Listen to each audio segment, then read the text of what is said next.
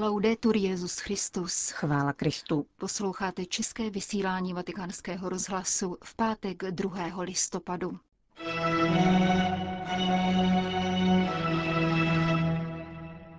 Petrův nástupce sloužil mši svatou za zemřelé na Laurentínském hřbitově v Římě. Svatý stolec zřizuje novou služebnou instituci pro charismatické hnutí. Skartační kultura je pandemií dnešní doby, napsal papež František v poselství na Světové sociální fórum o migracích. To jsou hlavní témata našeho dnešního pořadu, kterým provázejí Johana Bronková a Jana Gruberová.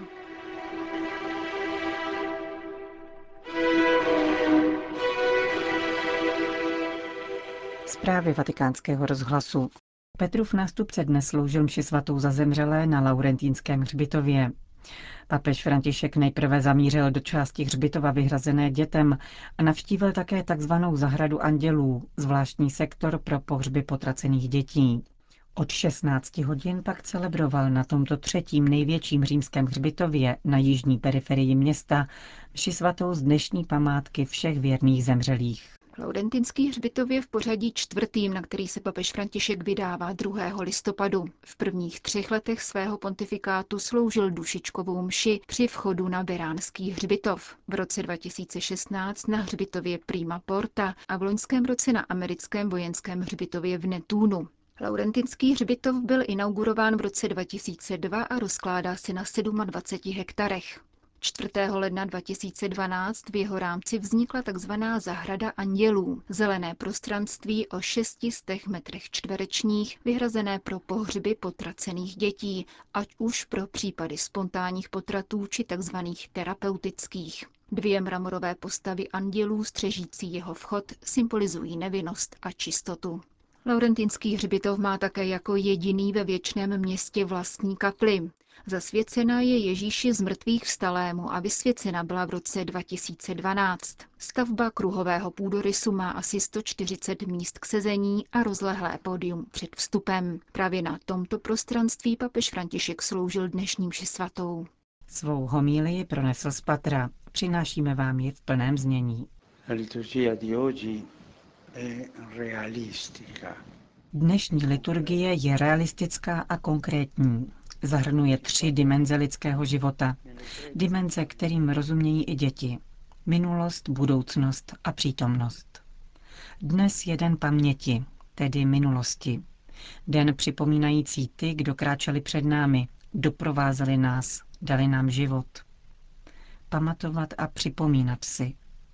Paměť je tím, co činí národ silným, protože se cítí zakořeněný ve své cestě, zakořeněný v dějinách, zakořeněný v lidu.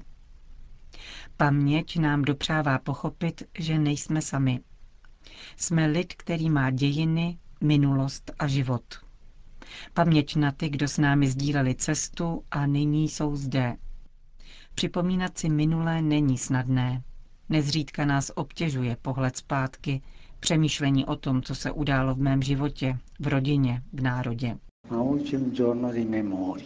Dnes je tedy den paměti. Paměti, která mne přivádí ke kořenům, k mým kořenům a ke kořenům mého lidu. Dnes je však také den naděje. Druhé čtení nám ukazuje, co nás čeká. Nová nebesa a nová země, svaté město Jeruzalém, které je nové a krásné. A viděl jsem od Boha z nebe sestupovat svaté město, nový Jeruzalém, krásný jako nevěsta ozdobená pro svého ženicha. Čeká na nás tato krása. Paměť a naděje, naděje na setkání, naděje na to, že přijdeme tam, kde je láska, jež nás stvořila, láska, jež nás očekává, láska Otcova. E e Mezi pamětí a nadějí je třetí dimenze, totiž dimenze cesty, kterou máme před sebou a po níž kráčíme. Jak ale jít po cestě a nesplét se? Jaká světla mi pomohou, abych se nezmílil na cestě? Jaký navigační přístroj nám dává Bůh, abychom nespletli cestu? Jsou to blahoslavenství, o nichž nás učí Ježíš v Evangeliu. Tato blahoslavenství, mírnost, chudoba v duchu, spravedlnost, milosedenství, čistota srdce, to jsou světla, jež nás doprovázejí, abychom nespletli cestu. To je naše přítomnost. Na tomto hřbitově jsou tři dimenze života. Paměť můžeme vidět před sebou. Naději budeme nyní slavit ve víře, nikoli v tom, co vidíme. A o světlech, která nás mají vést po cestě, abychom se nezmílili, jsme slyšeli v Evangeliu. To jsou blahoslavenství. Prosme dnes Pána o milost, abychom nikdy nestráceli paměť, nikdy neskrývali paměť. Paměť na člověka, rodinu a lid. Kež nám dá milost naděje, protože naděje je jeho dar. Umět doufat, hledět k horizontu.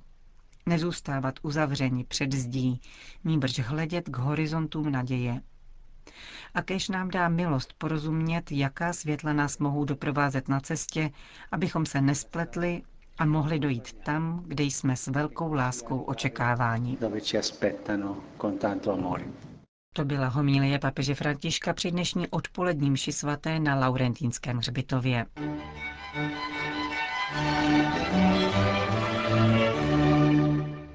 V rámci odpolední návštěvy Laurentínského hřbitova se papež František zastavil v tzv. zahradě andělů, kde jsou pohřbívány nenarozené děti. V České republice umožňuje pohřbívání dětských ostatků z jakéhokoliv stádia vývoje loňská novela zákona o pohřebnictví. Ovšem rodiče si o ně musí zažádat v zákonné čtyřdenní lhůtě, což mnohdy bývá krátká doba ačkoliv také v naší vlasti se množí podpůrné a doprovodné projekty pro rodiče v nelehkých životních situacích, v souvislosti s pohřbíváním nenarozených dětí ještě všeobecně schází o světa. V křesťanské Itálii se této role, kromě celé řady dalších organizací, ujímá také komunita Jana 23. Každý rozkvétající život je nádherný boží dar, přestože trvá pouhých několik měsíců. Od založení naší komunity jsme vnímali blízkost k rodičům, kteří prožívají nadějné očekávání, jež později může vyústit v drama. Ve zdravotnické praxi se dříve jednalo o biologický odpad, ale jak křesťanská víra, tak lidská důstojnost nás přivádějí k uznání posvátnosti těchto tvorů. Doprovázíme rodiče a prakticky vyřizujeme pohřeb na důstojných místech, která jsme postupem doby vytvořili ve spolupráci se zdravotními institucemi a místními úřady. Jedná se o právo rodičů na to, aby taková pohřebiště, kde budou moci své děti navštěvovat, vznikla také v rámci tradičních hřbitovů. Uvedl pro naše mikrofony předseda zmíněného katolického společenství Giovanni Ramonda. Komunita Jana 23. se začala důstojným pohřbíváním nenarozených dětí zabývat před bezmála 20 lety. Od té chvíle pomohla stovkám rodičů, kteří ztratili své děti většinou při spontánním potratu. Vatikán, Úřad pro lajky, rodinu a život oznámil, že k 8. prosinci tohoto roku ústaví v rámci charismatické obnovy zastřešující organizaci, která bude na mezinárodní úrovni poskytovat novou a jedinou službu vanutí milosti, již zmíněné katolické hnutí přináší.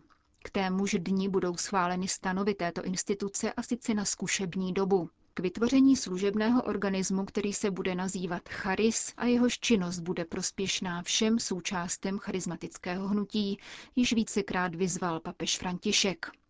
Charis nebude disponovat pravomocemi nad jednotlivými charismatickými skupinami, které si naopak uchovají svou vlastní identitu a budou nadále podléhat jurisdikční moci příslušné církevní autority. Charismatická společenství budou naopak moci svobodně využívat všech služeb nové instituce při výkonu svého poslání, což je také základní cíl, který si Charis stanovilo. Po zřízení nové služebné instituce a schválení jejich stanov jmenuje svatý stolec na první tříletý mandát moderátora mezinárodního týmu, kterým bude belgičan profesor Jean-Luc Moens.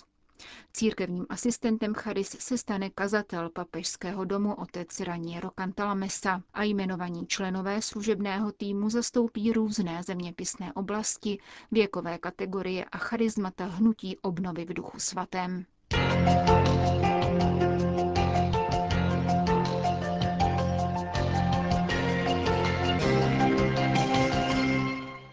Vatikán.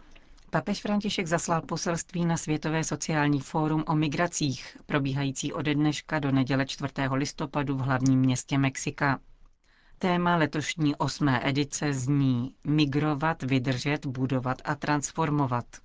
Zahájení akce se účastní arcibiskup města Mexika Carlos Aguiar Retes a apoštolský nuncius arcibiskup Franco Coppola. Svatý stolec reprezentuje také otec Michael Černy, podsekretář sekce pro migranty a uprchlíky Vatikánského úřadu pro integrální lidský rozvoj. Papež František zdůraznil, že pozitivní proměna společností začíná odmítnutím veškerých forem nespravedlnosti, které nacházejí výraz ve skartační kultuře. Svatý otec neváhá nazvat tento jev pandemií současného světa. Odpor proti ní je prvním aktem spravedlnosti, zejména tehdy dáváme-li hlas těm, kdo ho nemají.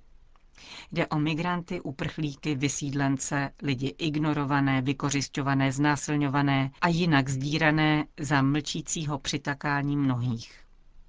Pouhé odmítnutí nespravedlnosti však nestačí, podotýká František. Nutné jsou konkrétní činy podle kompetencí každého jednotlivce i skupiny. Je zapotřebí využívat touhy, dovednosti a schopnosti migrantů k budování integrujících, solidárních a spravedlivých společností. Takto bude navrácena důstojnost těm, kdo žijí ve velké nejistotě a sní o lepším světě. Fórum se zabývá sedmi tématy, které bezprostředně souvisejí se současnou migrací. Jsou to lidská práva, hranice, politické postoje, kapitalismus, pohlaví, klimatické změny a dynamika přesídlování. Mezinárodní společenství směřuje k přijetí dvou úmluv celosvětového dosahu. První z nich se týká bezpečné, uspořádané a regulované migrace a druhá se týká uprchlíků. Jako přínos k tomuto procesu Vatikánská sekce pro migranty a uprchlíky připravila dokument pod názvem 20 bodů ke světovým úmluvám. Text vychází ze čtyř sloves. Přijímat, chránit, podporovat a integrovat. Jejich propojení představuje odpověď na globální výzvu stojící před politickou komunitou, občanskou společností a církví dodává papež. V poselství pro účastníky Světového sociálního fóra o migracích dále vybízí sociální organizace a lidová hnutí ke spolupráci na masovém šíření závazků světových úmluv, jejichž cílem je integrální lidská podpora migrantů a uprchlíků. Prosím tyto hnutí a organizace o angažovanost v šíření spravedlivějšího rozdělení povinností v oblasti pomoci pro žadatele o azyl a uprchlíky, podotýká svatý otec. Připomíná, že tato činnost často významně přispívá také k identifikaci obětí obchodu s lidmi a podílí se na jejich osvobození a rehabilitaci.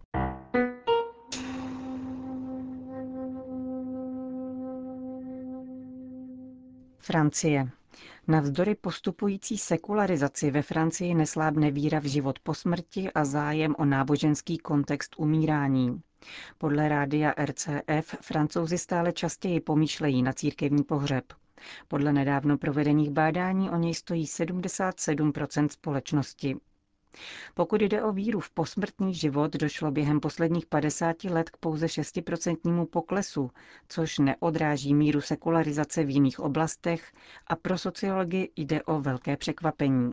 Průzkum provedený týdeníkem Pelrán na druhou stranu potvrzuje, že téma smrti se ve Francii mění v tabu. V rodině se o těchto věcech téměř nemluví a mladé generace se zřídka setkávají se smrtí, protože doma umírá jenom 20 lidí. Naprostá většina francouzů odchází ze světa v osamocení, v nemocnicích a domech sociální péče. Vzhledem k dlouhodobé krizi povolání je často rovněž nouze o kněžskou službu.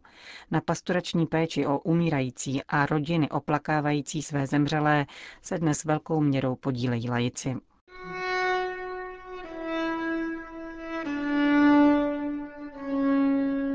Končíme české vysílání vatikánského rozhlasu. Chvála Kristu. Laudetur Jezus Christus.